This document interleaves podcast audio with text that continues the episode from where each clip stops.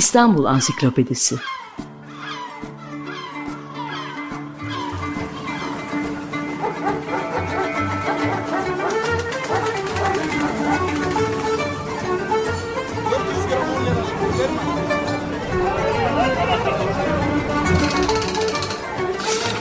İnsanlar, olaylar, mekanlar, gelenekler ve ihtiyaçlar üzerinden şehrin tarihinden sayfalar.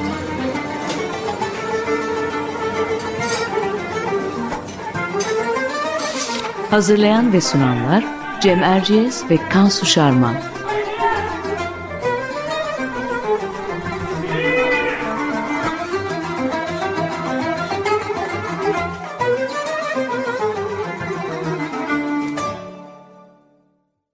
Merhaba, e, ben Kansu Şarman. Açık Radyo'da Cem Erciyes'le birlikte hazırladığımız İstanbul Ansiklopedisi'nin yeni bir programındayız. Bu hafta konumuz İstanbul'un pastaneleri. Konuğumuz ise tarihçi, çevirmen e, ve kültür tarihimize dair kıymetli çalışmalarıyla bilinen Saadet Özen. Hoş geldin Saadet. Hoş bulduk. Hoş geldin. Hoş bulduk. Ne güzel sizi görmek. Pastaneler vesile. Evet değil mukabil. Tatlı bir konu bu haftaki. Evet. Evet. Ee, şöyle devam edelim. İstanbul'un kültür tarihinde pastanelerin özel bir yeri var elbette. Ee, yeme içme tarihinden de edebiyat tarihinden de bahsederken e, söz mutlaka zamanın ünlü pastanelerine gelir hep. E, çünkü buraları sadece pasta ve çikolata yapıp satan dükkanlar değil, e, batılı yaşam tarzını benimseyen kentin seçkinlerinin e, vakit geçirdiği bir sosyalleşme alanıymış aynı zamanda.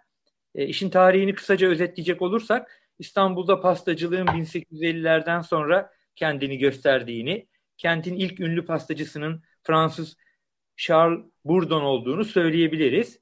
E, ayrıca e, ilk pastanesi Patissier de Saint Petersburg'un Namık Kemal, Ziya Paşa gibi ünlü müdavimlerin olduğu da biliniyor.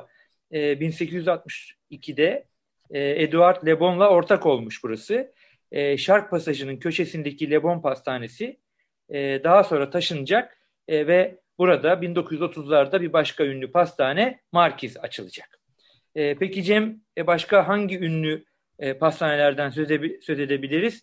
Saadet'e geçmeden önce onları da sen anlat istersen. Evet e, Kansu tabii İstanbul'da pastacılığı başlatanlar yabancılar ama arada şunu da anayım yine Saadet Özen'e de sorarız.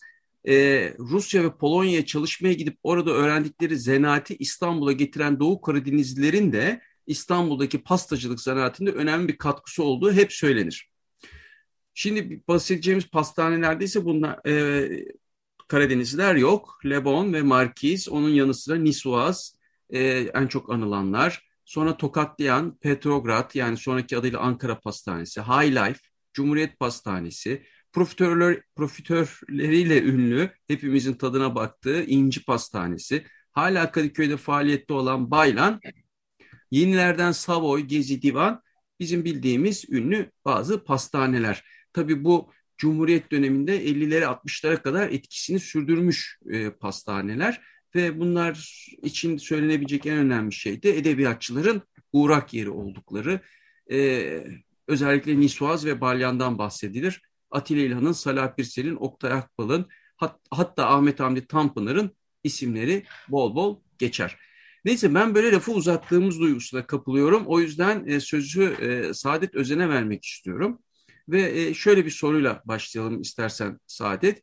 Pastane kültürü İstanbul'da nasıl oluşuyor? 1850'lerden başlayarak 100 yıl kadar süren e, bir pastane, toplumsal hayatta bir pastane e, kültürü var. E, bu, bu, bu, bunu neye borçluyuz? Nasıl oluşmuş? E, sizin yorumunuzu, senin yorumunu alabilir miyiz? Ben bu pastane işine e, çikolatanın tarihini yazarken merak sarmıştım. Yani birbiriyle ilişkili zaten. Daha doğrusu ben çok daha fazla ilişkili olduğunu düşünmüştüm başta. Sonra e, çok aynı yoldan gitmediklerini fark ettim aslında. Ama şu söylenebilir tabii, e, pastane kültürü dediğin gibi 1850'lerden hatta belki biraz daha öncesinden itibaren belli başlı yerlerde e, kendini gösteriyor. Yani bu tabii ki e, o dönem yeni yeni canlanmaya başlayan bugünkü İstiklal Caddesi.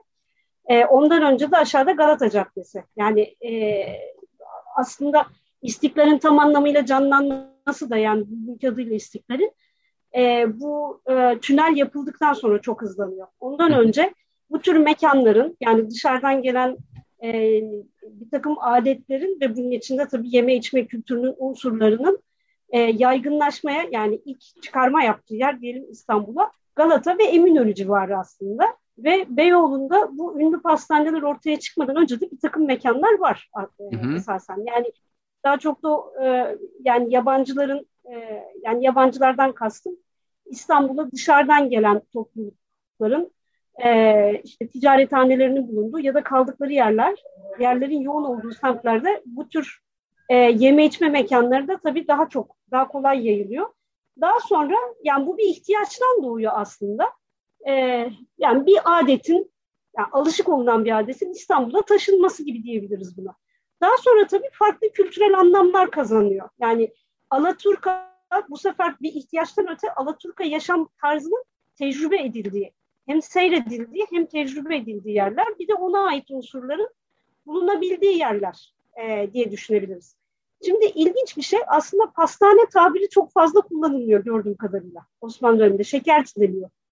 Yani Valori'nin lakabı mesela, yani lakap pardon, lakabı dedim, unvanı diyelim, şekerci başı. Ee, yani sarayın şekercisi. Pastane sözcüğü Cumhuriyet'ten sonra yaygınlaşmış gibi görünüyor. Ondan önce pasta sözü kullanılacaksa da pastacı deniyor. Pastacı dükkanları mesela. Ee, ve e, yani şekerci dendiğinde Hacı Bekir de bir şekerci, Valori de bir şekerci. Yani ikisi de saraya tedarik, ikisi de sarayın tedarikçisi. Ama tabii tam olarak aynı şeyleri sunmuyorlar. Yani biri daha yerel, hani geleneksel denebilecek bir takım ürünleri sunarken diğeri örneğin tünelin açılışında catering hizmeti verebiliyor ve orada çok daha böyle e, işte alaturka pardon alafranga bir menüyle servis yapabiliyor.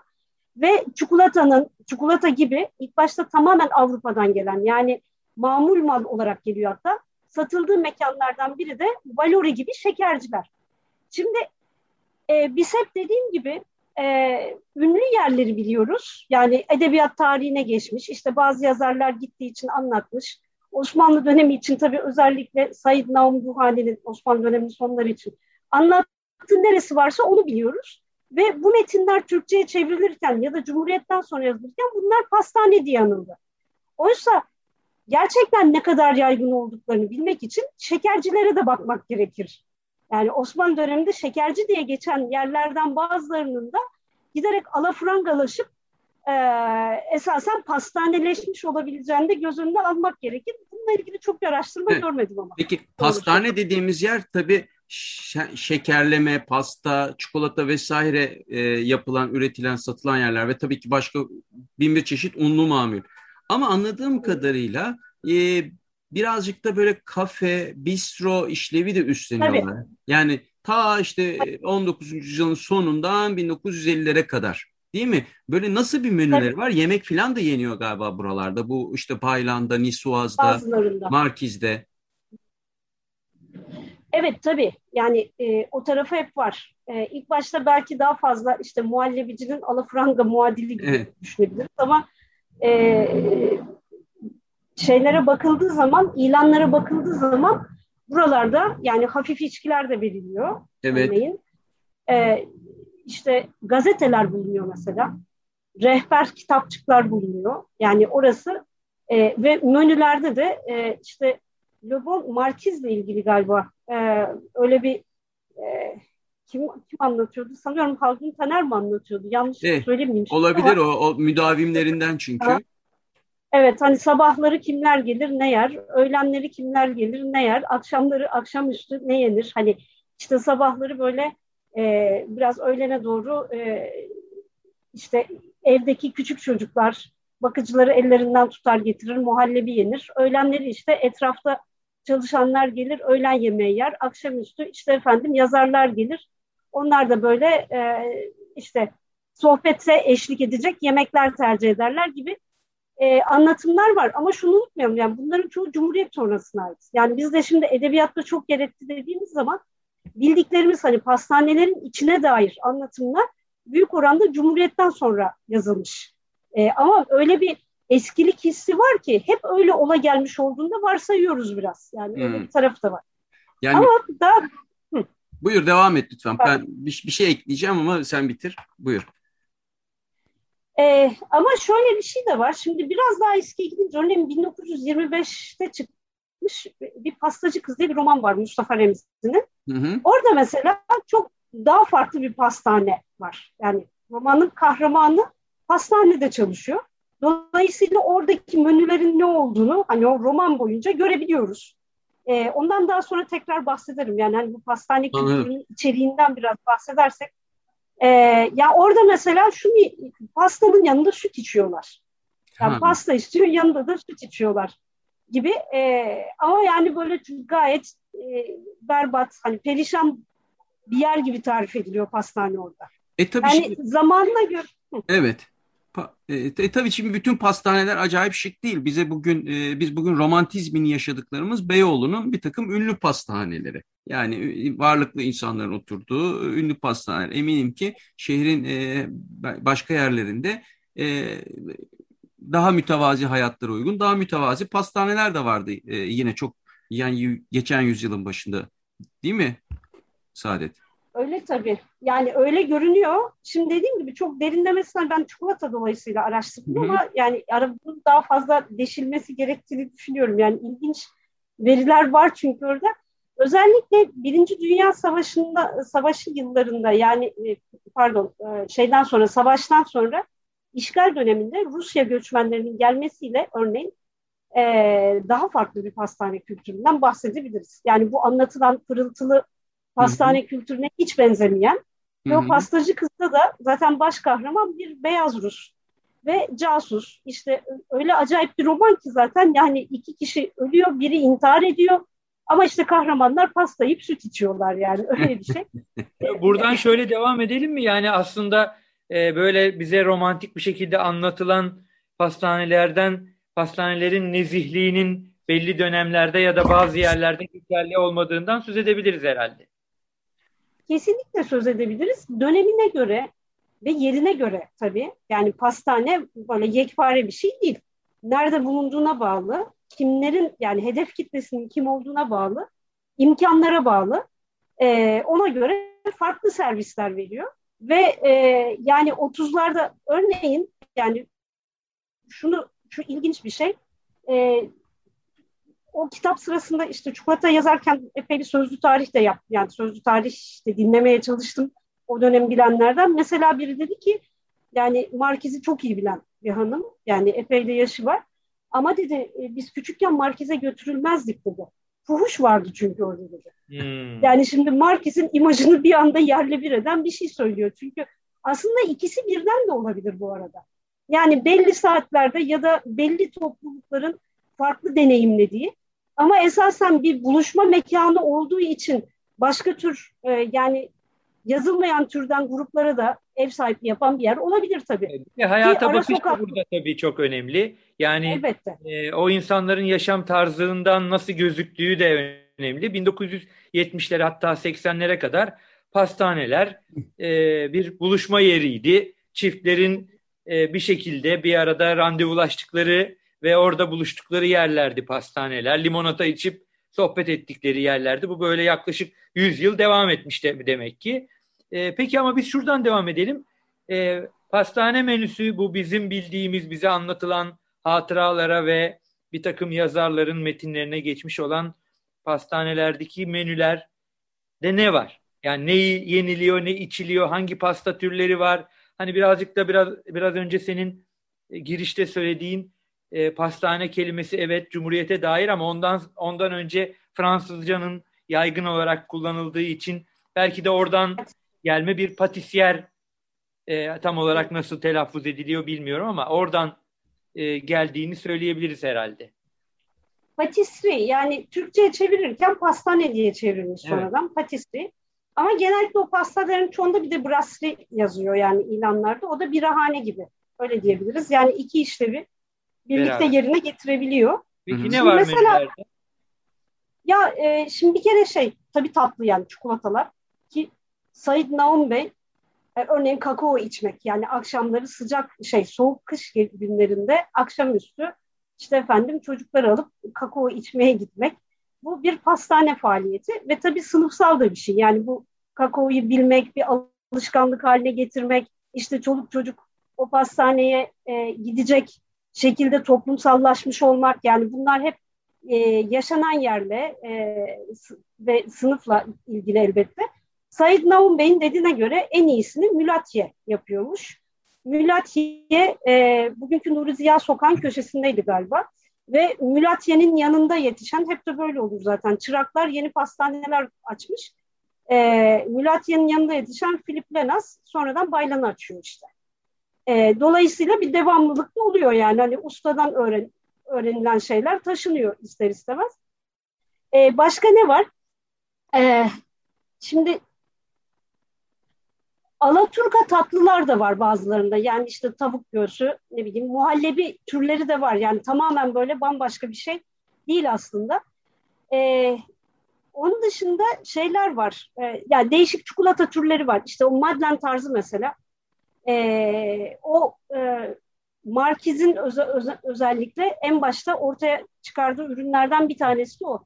Yemek olarak e, yani tek tek bütün pastanelerle ilgili bilgim yok tabii e, doğrusunu isterseniz ama e, yani öğlen yenebilecek yemekler var. Hani küçük ızgaralar diyelim. E, onlardan bahsediyorlar. Ama en çok aslında kahve, e, şey kahve çeşitleri, e, içkiler, örneğin şeri, bira gibi özellikle brasserie patisserie olanlarda bira gibi daha hafif içkiler anladığım kadarıyla servise giriyor.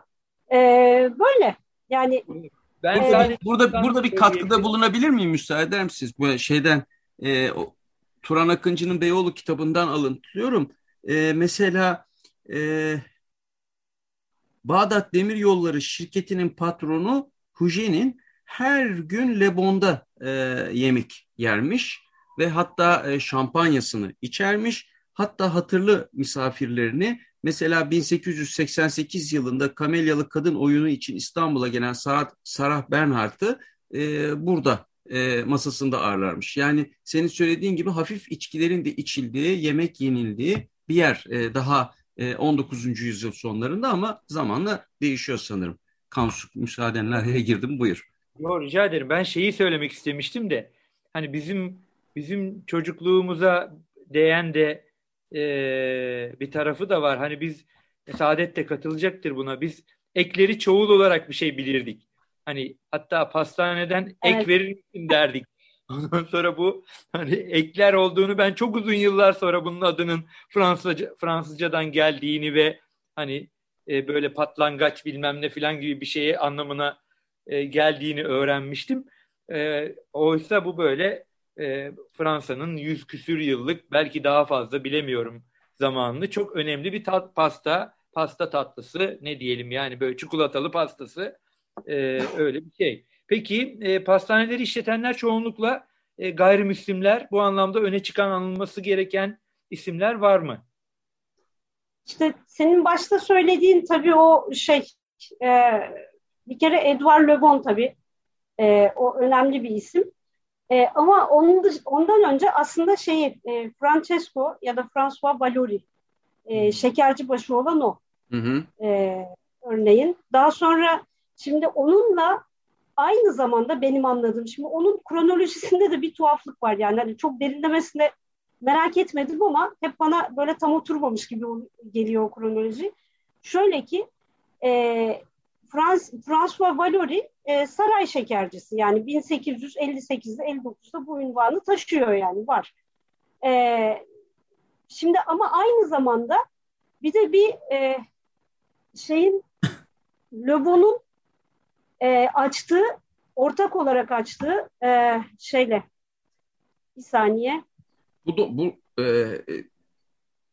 Le Bourdon'la açtığı Charles Bourdon galiba. Charles Bourdon, evet. Evet. Charles Bourdon. Şimdi şöyle bir şey var. İlanlarda S Le Bon diye geçiyor, C Le Bon diye geçiyor yani. E, demek ki o bizim Edouard Le Bon değil aslında yani. O Le Bon'lar bir aile olarak devam etmişler diye anlıyorum ben oradan. Bir de bir Bourdon var. Bu S. Le Bon kimse onunla ortak olmuş. 1890'larda Cafe de St. Petersburg işletiyorlar hala. Ondan sonra demek ki Le Bon ayrılıyor. Yani Le Bon o kadar eski bir pastaneyse bile en azından bir dönem bir ortaklığa gitmiş. Ondan sonra yeniden bağımsız olmuş gibi görünüyor. Ee, şark pasajında. Daha sonra da 37-38 gibi e, bu pastane devredilmiş ve Le Bon karşı sıraya geçmiş. Onun yerinde de Markiz açılmış. Yani Markiz bir Cumhuriyet dönemi pastanesi evet. esasen. Evet. Ee, Avedis Ç- Avedis Çakıryan mıydı? Evet. İsim hafızam bu ara gerçekten çok zayıf. Kusura Tabii bakmayın. yani ma- Martin, o da orayı Evet, Cumhuriyet dönemi pastanesi olması önemli bir e, altın çizdiğin önemli bir şey. Yani aslında Lebon'dan çok daha sonra açılmış e, bir pastane. Evet. Elbette çok çok sonra yani bina eski ve yani bina pastane olarak tabii ki hizmet veriyor ama e, Markiz adıyla hizmet vermesi 1940'ları buluyor. Yani ondan sonra e, o isimle faaliyet göstermeye başlıyor.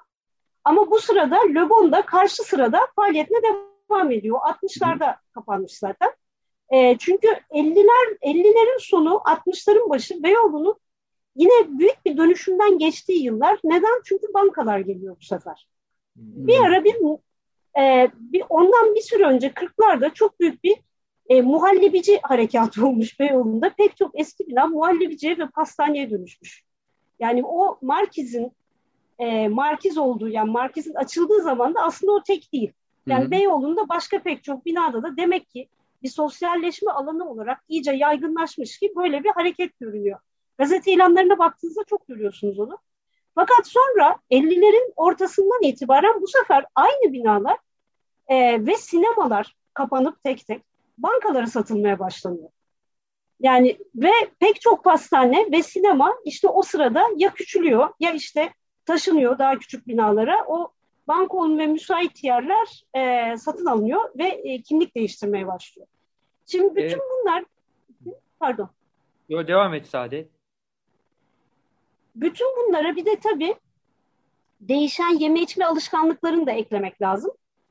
On, bütün bunlar bir araya gelince tabii neden pastaneler azaldı ya da hani e, bir şekilde işlevini örneğin kafelere devretti sorusuna da cevap bulabiliyoruz esasen. Peki e, e, süremizin sonuna geliyoruz. Şunu da eksik bırakmayalım. E, sen de e, aslında işin e, şekerci başı Valori ile başladığından hareket ederek bir de tabii ki şekerciler var İstanbul'da. E, Karadenizli ustalar bu bu konuda duruma hakim olmuşlar. E, Ali Muhittin Hacı Bekir'den itibaren gelen bir e, şekerci geleneği de var. E, bu e, Karadenizli, Karadeniz bölgeden bölgesinden gelen insanların bu konuya ilgisini nereden kuruyoruz? E, nereden biliyoruz? Ya valla biz biz Hı. ailece Kastamonluyuz ve İstanbul'da. İşte sorunun birinci derece muhatabı sensin o zaman. Bu Kastamonuların evet. Şekercilik ve pastacılık mevzusuna hakimiyeti nedendir diye soruyor Kansu. Evet.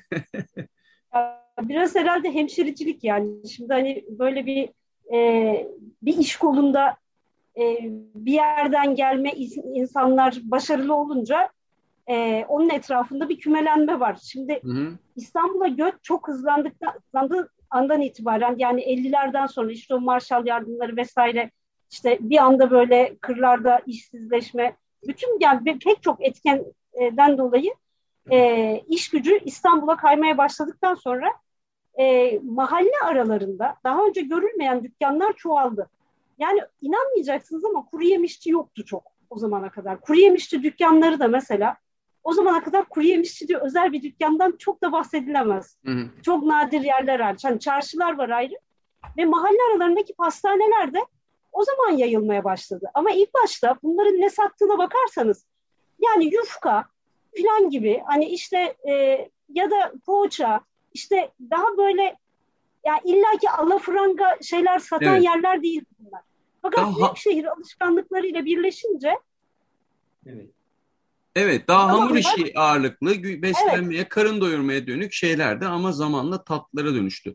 Tabii yani bizim için bu pastaneleri hep gündemde tutan e, sanıyorum işte edebiyat dünyasının buna duyduğu ilgi, edebi anılarda bu işin müthiş bir yer etmiş olması. E, işte şey e, malum e, okuyanlar e, iyi bilir Salah Birsel'in metinlerinde çok sık geçer. Ah Beyoğlu, Vah Beyoğlu da Nisvaz'ın cumartesi geceleri bir edebiyat fakültesine dönüştüğünü yazar. Hakikaten e, çok sayıda isim işte e, orada toplanırmış. E, bu şeyde de var. E, Said Faik'in Orhan Veli'ye yazdığı bir mektupta da e, aynı şeyden bahsediyor. Bu cumartesi yine burası aynı, hep aynı gibisinden. E, tabii e, edebiyatçıların ilgi göstermesi ben senin, senin anlattıklarından da çok iyi anlıyoruz ki o dönem yani 1940'lardan sonra 50'lerde 60'larda bu pastaneler, e, muhallebiciler yayıldı e, gündelik hayatın bir parçası oldu. Onun için e, insanlar da e, oralarda toplanıyorlardı. Onların da gözde pastaneleri vardı sanıyorum ki. Bu e, edebiyatçıların pastane düşkünlüğüyle ilgili senin de söylemek isteyeceğin bir iki cümle varsa alalım. Ondan sonra e, süremiz doldu. Programımızı kapatacağız. E, birer edebiyat mahfili diyelim. Yani evet. şimdi hatırlarsanız Nisuvaz'la ilgili de denir ki e, orada bir hanım var. Onun kulağına eğilip artist deyince indirim yapıyormuş. Yani şimdi birincisi toplanılan yerlerin öyle ya da böyle e, yani çok pahalı olmaması lazım ki hani oraya devam edilebilsin ya da çok böyle talepkar yerler olmamalı. Hmm. Müşterisini çok rahatsız eden. Arada bir gürültüye, patırtıya çok da ses çıkarmayacak. Bir de Tabii şu var yani hevesliler, edebiyat heveskarını nerede toplanacak? Yani o usta sayacağı isimleri nerede görecek? Bugünkü gibi düşünmeyelim yani bunlar Zoom'dan toplantı yapamıyorlar. Doğru. Haliyle yüz yüze görüşülecek mekanlar lazım. E, Hilmi Yavuz'un o bakımdan e, Baylan'ı anlatması ilginçtir mesela. Markiz hani uzaktan bakardık ama işte Demir Özlü'den bahsediyor. Ama e, şeye e, Baylan'a giderdik diyor yani orada dinliyorlar. Yani Atilla İlhan'dan bunda e, şey çok payı olduğunu anlatıyorlar. Yani o şekilde isim yapmış yerlere gençler de gelebiliyor. Çünkü bir tür hani oranın e, tescillenmiş bir kültür akademisi, gayri resmi kültür akademisi aurası var. E, ve bu öyle ya da böyle hani e, oranın devamlılığını da sağlıyor. sağlıyor. O an ünlü olmayan birileri ileride ünlü oldukça eninde sonunda bir tarihçe de oluşmuş oluyor ve bu birbirini tetikleyerek devam ediyor bu şekilde. Yani Peki, ki Baylan artık eski Baylan değil ama hala edebiyatçıların Baylanı diye düşünüyoruz. Evet, evet. öyle düşünüyoruz. Peki Saadet Özen çok teşekkür ediyoruz. Ee, bu çok kadar edebiyattan bahsettik. Bu programın sonuna biz bir sürpriz yaptık. Bir de şiir e, hazırladık. Ama öyle çok bilinmeyen bir şiir değil. Aslında çok bilindik. Edip Cansever'in ünlü şiirinden bir bölüm okuyacağım. Ve bu şekilde programı kapatacağız. Markize uğradım. Dört mevsimden süzülmüş bir konyak içtim. Düzeltip arada bir bıyıklarımı, uçları hafifçe ıslak. Bir ara pencere camında kendime baktım. Baktım ki ben Ruhi Bey. Nasıl olan Ruhi Bey? Daha nasılım? Peki, hoşça kalın diyoruz. Çok teşekkür ederiz Saadet Özen. Hoşça kalın. Ben çok teşekkür ederim. Hoşça kalın. Hoşça kalın. İstanbul Ansiklopedisi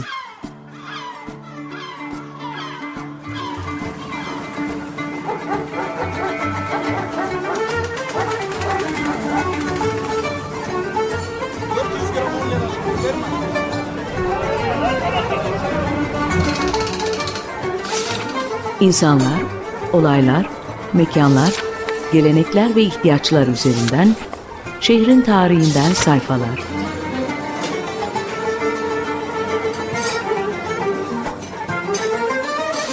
Hazırlayan ve sunanlar Cem Erciyes ve Kansu Şarman.